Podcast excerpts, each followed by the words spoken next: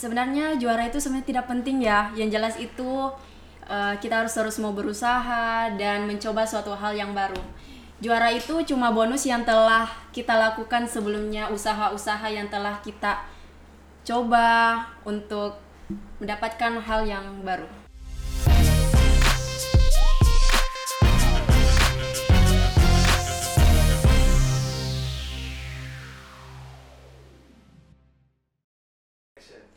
Assalamualaikum warahmatullahi wabarakatuh. Balik lagi di podcast Bicara KTI, Bincang Aneka Ragam Kawasan Timur Indonesia, episode kelima bersama saya Dini Arisandi yang akan memandu podcast pada kali ini.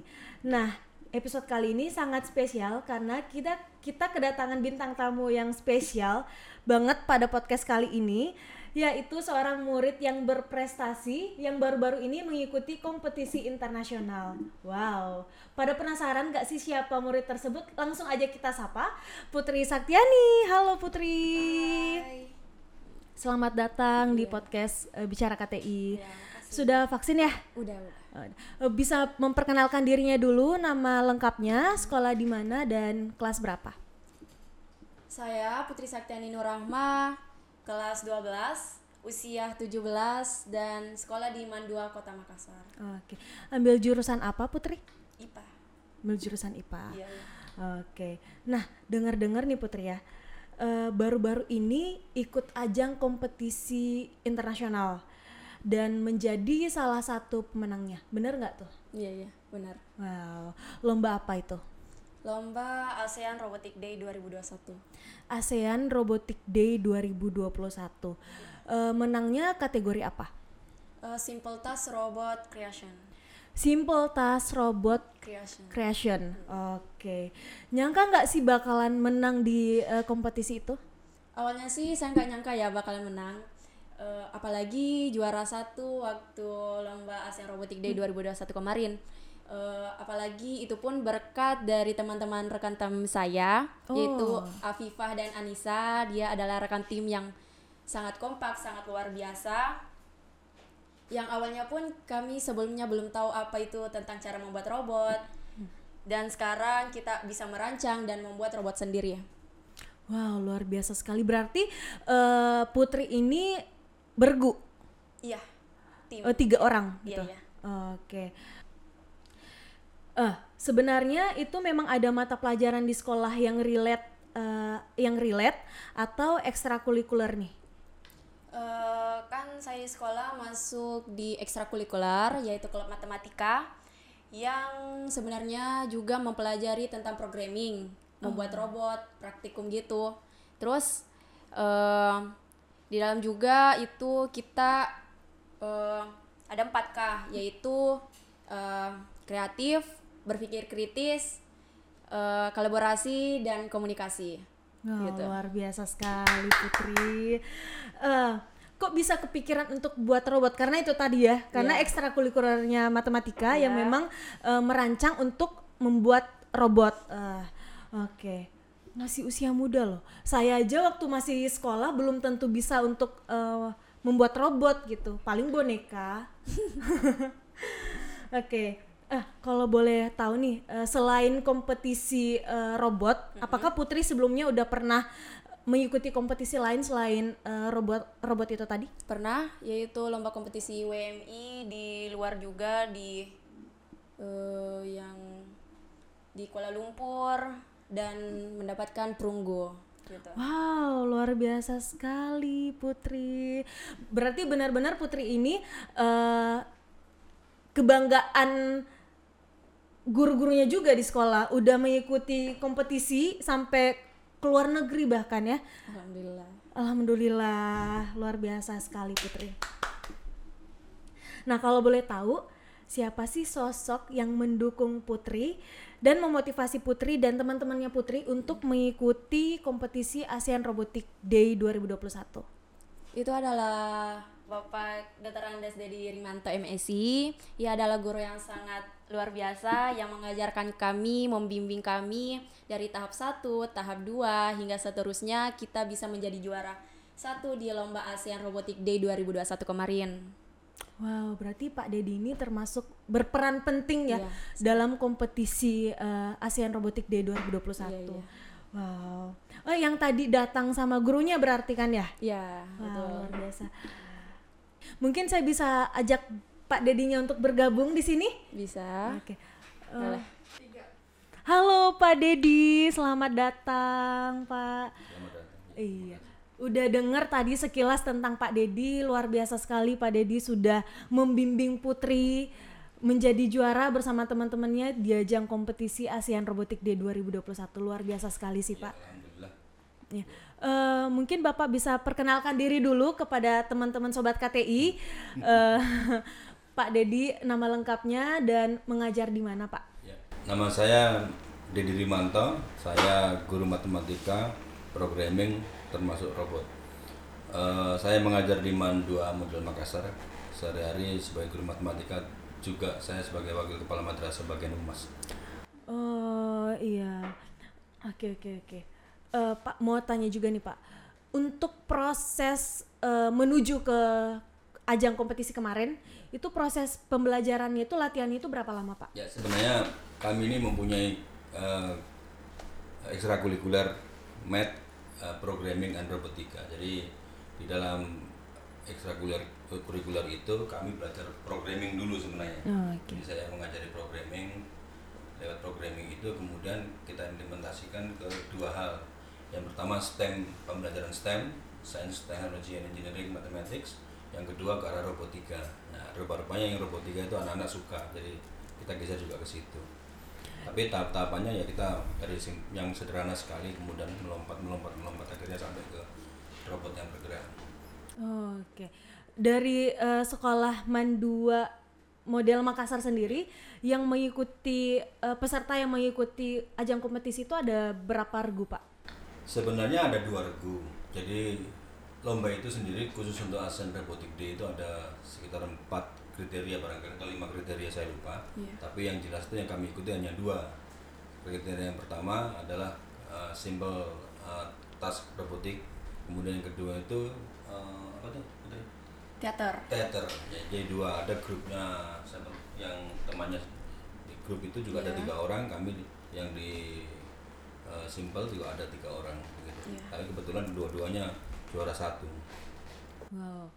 Nyangka nggak sih Pak bakal eh, bisa menang di murid-muridnya bisa menang di kompetisi itu? Ya sebenarnya sih kalau menyangka tidak karena saya kami ini mengaj- memberikan pembelajaran robotika itu sebenarnya bukan hanya untuk lomba tapi mengajar mereka untuk membangun konteks berpikir yang logis, membangun bagaimana caranya melakukan uh, rekonstruksi sesuatu ya kemudian uh, logikanya mereka dilatih. Jadi tidak sebenarnya tidak spesifik ke arah lomba. Oh tidak spesifik ke arah lomba. Kalau untuk kompetisinya sendiri Pak, apakah memang tiap tahun ada kompetisi tersebut robot eh, seperti itu atau memang eh, baru tahun ini? ARD itu kayaknya dua tahun sekali. Tapi ini barusan pertama kali ikut. Kemarin sebelumnya juga ada madrasah robotik competition juga. Jadi di lingkungan Kementerian Agama itu ada kompetisi matematik, kompetisi sains, termasuk di antaranya ada robotik juga. Ya, Jadi kita barusan ikut. Ya. Jadi kami sebenarnya kami baru serius masalah robot itu ya sekitar 5-5 tahun lah. Oh lima tahun Pak ya? Oh, udah lumayan berarti Pak. Tapi eh, dengan begitu sudah luar biasa sekali sih Pak. Makassar loh memenangkan. Kami memang dituntut bu karena eh, Mandua Model Makassar itu kan representasi daripada sekolah di bawah Kementerian Agama di Sulawesi Selatan sehingga kami juga harus bertanggung jawab terhadap konteks pendidikan terutama yang robot di seperti zaman seperti sekarang ini. di era digital ya Iya, Pak lebih iya. tepatnya. Saya harus ikut tanggung jawab juga ke situ. Jadi akibatnya ya harus terpaksa juga ngajari ke situ. Wah luar biasa sekali Bapak Dedi, Putri dan teman-teman. Nggak nyangka sih saya Pak ya nggak nyangka kayak eh, dulu waktu saya sekolah itu nggak punya kepikiran untuk mengikuti ajang kompetisi seperti itu dan memang eh, guru-guru zaman sekarang ini eh, lebih ke mendorong eh, murid-muridnya bagaimana untuk tetap berprestasi, bagaimana untuk tetap berkarya. Kalau saya sih dari dulu memang selalu membuat kompetisi itu sebagai salah satu pembelajaran. Saya mengajar sudah hampir 29 tahun. Kami ikut berkompetisi dari saya ngajak anak-anak itu berkompetisi dari Jepang sampai ke eh, apa sampai ke Bulgaria sampai ke Malaysia Singapura. Jadi anak-anak MAN terbiasa kalau dalam konteks matematika karena sebelumnya kami di matematika kami biasa berlomba di World Math Invitation seperti yang dikatakan Putri tadi. Sebelumnya kami juga mengajak anak-anak sampai ke Fukuoka itu.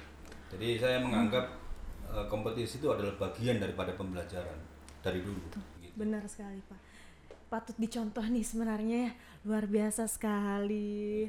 Tantangan tantangannya dalam membina murid-murid untuk tetap semangat walaupun di masa pandemi. ya itu yang sulit ya di masa pandemi itu semuanya ter- terpengaruh jadi pembelajaran juga terpengaruh tapi kita berusaha supaya pengaruh itu diperkecil ya. saya tahu bahwa masa pandemi ini mempengaruhi anak-anak dari sisi eh, kemampuan belajar juga karena belajar online itu kan banyak kendalanya. Iya. terutama itu masalah pakai data segala macam ya seperti itu. Belum lagi sebenarnya dalam konteks pembentukan skala sikap terutama itu. Jadi pem- tidak bisa terjadi pembentukan skala sikap kalau online. Iya, benar, kalau, Pak. kalau offline tuh bisa dibentuk skala sikap tapi kalau online susah.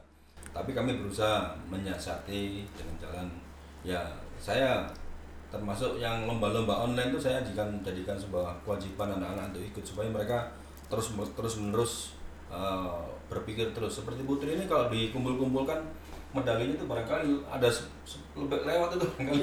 20 medali itu dia punya itu. Iya. Jadi dia dapat emas dapat perak dapat perunggu itu banyak dia. Terakhir ini kan di kompetisi sains madrasah yang kompetisi resminya Kementerian Agama dia di tingkat kota juga juara tiga matematika. Wow. Luar biasa Putri. sebenarnya tidak hanya Putri banyak anak-anak di grup kami itu juara-juara semua itu Iya. Ya. Yang memang di Iya, eh, teman-temannya Putri itu tiga-tiganya sudah medalinya kalau dikumpul-kumpul tuh barangkali di renteng-renteng itu mungkin ada 20 30 itu medalinya. keberatan Pak ya saking banyaknya. Saya sengaja supaya mereka eh, karena di dalam proses pendidikan yang selanjutnya ada namanya SNPTN. Jadi Iya. SNPTN itu kan penerimaan mahasiswa tanpa tes hanya mengandalkan prestasi. Jadi dia lomba-lomba itu ah, pada akhirnya ujungnya juga mengajak supaya dia eh, memperoleh apa prestasi sehingga bisa dijadikan dasar untuk ikut SNPTN begitu. Eh, untuk proses belajar saat ini Pak itu masih online semua. Kalau saat ini sampai minggu ini, ya, kami memang di sekolah sudah mulai mempersiapkan eh, ganti mode. Kita kan sudah mau persiapan PTN tatap muka. Walaupun sementara di evaluasi tatap muka itu sama pemerintah kota dievaluasi kesiapan-kesiapan sekolah termasuk adanya satgas, kemudian eh, kemudian kelengkapan-kelengkapan apa sekolah untuk mempersiapkan tatap muka seperti wastafel segala macamnya. Oh, Kami sudah siapkan itu di sekolah. Cuman sekarang kalau tadi malam saya lihat ada surat perintah tatap muka di tingkat M, SMA dengan MA. Tapi eh, mungkin kami satu dua hari ini sambil mengevaluasi dan mempersiapkan untuk persiapan tatap muka sesungguhnya. Karena itu juga berat bagi kita, termasuk saya. Walaupun saya sudah divaksin, itu juga bukan pekerjaan ringan itu. Iya benar sih Pak. Oke balik lagi ke Putri nih. Putri. kan hari ini ya adalah Hari Guru Sedunia. Iya, iya. Nah, saya mau tanyakan nih ke Putri, bagaimana sih eh, sosok guru di mata Putri? Mumpung nih ada Pak Dedi yang ada sekarang di sampingnya Putri, mungkin bisa disampaikan secara langsung pandangan Putri eh, apa perasaannya Putri, bagaimana sih sosok guru di mata Putri? Eh, menurut saya, Bapak adalah seorang guru yang ideal, guru yang bisa membangun suasana di kelas, menyenangkan dan aktif guru eh, siswa-siswanya gitu. Eh, Bapak juga tidak pernah kehilangan akal untuk mentransfer ilmunya sebagai pembelajaran bagi kami siswa-siswa gitu. Eh, menurut saya itu guru adalah seorang seorang pengajar yang tugas utamanya itu mendidik, membina, mengajar, eh, mengevaluasi siswa-siswanya. Itulah sosok yang saya lihat dari Bapak Deti Rimanto MSI. Luar biasa Pak Dedi. Galak nggak Pak Dedinya di kelas? Hah. Mau tahu saya kan biasanya gini Pak. Kan biasanya gini kan. Guru matematika itu terkenal dengan guru killer. Ya kan? Yang salah sama saya itu. Eh, soalnya kan saya pernah bersekolah juga kan dan saya pernah merasakan eh, Nah memang itu namanya guru killer itu rata-rata bisa matematika itu salah satu penyebabnya dari gurunya. Gurunya galak duluan. nah itu Tapi saya tidak termasuk kategori yang itu. kan dari pengalaman saya pak ya Iya. eh, guru matematika yang saya kenal itu dari beberapa teman-teman saya juga yang eh, di luar dari sekolah saya dulu terkenal dengan guru matematika yang killer SMA makanya berapa? SMA berapa nih? SMA berapa nih? Oh dilapor sama gurunya. Eh, kemungkinan saya tidak menyebutkan di sini pak ya gitu pak kalau semisalnya eh, apa namanya nggak ngerti gitu pokoknya uh, ada ada aja kalau pak Dedi gimana dia eh, termasuk kategori yang galak sangar atau gimana nih Eh, lebih ke tegas sih sering mendorong siswanya yang jelas harus bisa gitu harus selangkah lebih maju tidak boleh menetap di situ saja gitu Nah, bagus itu benar benar benar benar. benar. Kalau Pak Dedinya sendiri, cara mengajarnya itu memang seperti itu yang tegas atau eh, Enggak, ya. kita namanya manusia kan berkembang. Dulu waktu tahun saya mengajar dari tahun 92.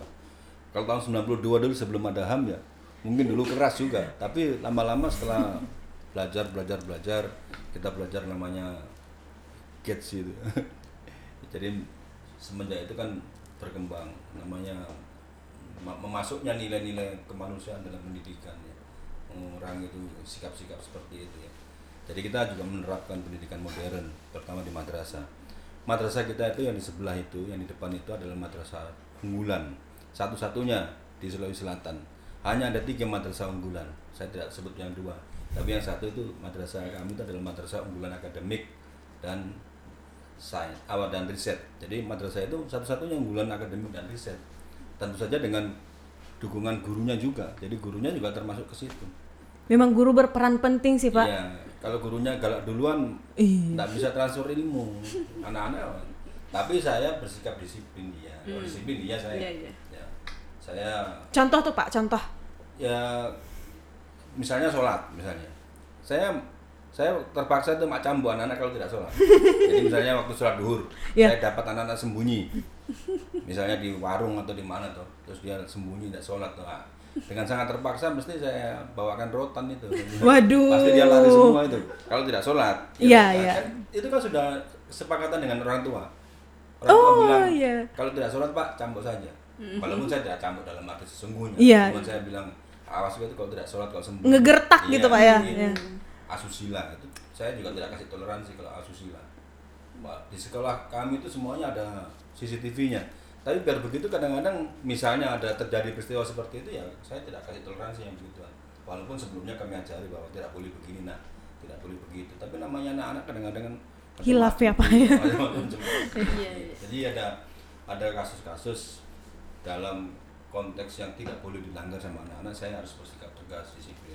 Tapi kalau dalam pembelajaran normalnya saya sama anak-anak ya begini gaya saya ya main-main begitu. Karena yang saya, saya berpikir begini, matematika itu susah. Jadi kalau saya mau Iya, keras, mau disi, mau apa mau gara-gara anak-anak Makin nggak masuk, Pak. Tidak Iya. bisa. Iya. Jadi saya ya santai aja sambil mengajar itu apalagi tantangannya demikian kerasnya kita tuh dituntut oleh orang tua siswa itu anaknya mau masuk ke perguruan tinggi yang favorit jadi targetnya tinggi Iya. anak-anak man itu tidak hanya ke Unhas atau mohon maaf ke Unhas atau ke UNM tapi ke UGM, ke ITB bahkan kami harus mengcounter juga anak-anak yang mau beasiswa luar negeri. Ya, jadi itu seperti itu jadi kita harus mempersiapkan anak-anak untuk lanjutannya setelah ini dan begitu. Banyak anak-anak di Liman itu yang lolos ke membuka buso yang Jepang itu ada juga yang ke Rusia ada yang ke Jerman. Jadi kita mempersiapkan itu semua Itu requestan dari orang tua iya siswa. orang tua siswa kami ini termasuk ya mohon maaf mungkin ekonominya menengah ke atas sehingga akibatnya eh, skup pendidikannya pun lebih tinggi dia Kalau seperti itu Pak, itu kan requestan dari eh, orang tua siswa. Itu ada pelajaran khususnya atau mengikuti pelajaran yang udah ada aja? Sekarang itu kurikulum kita yang sekarang itu padat.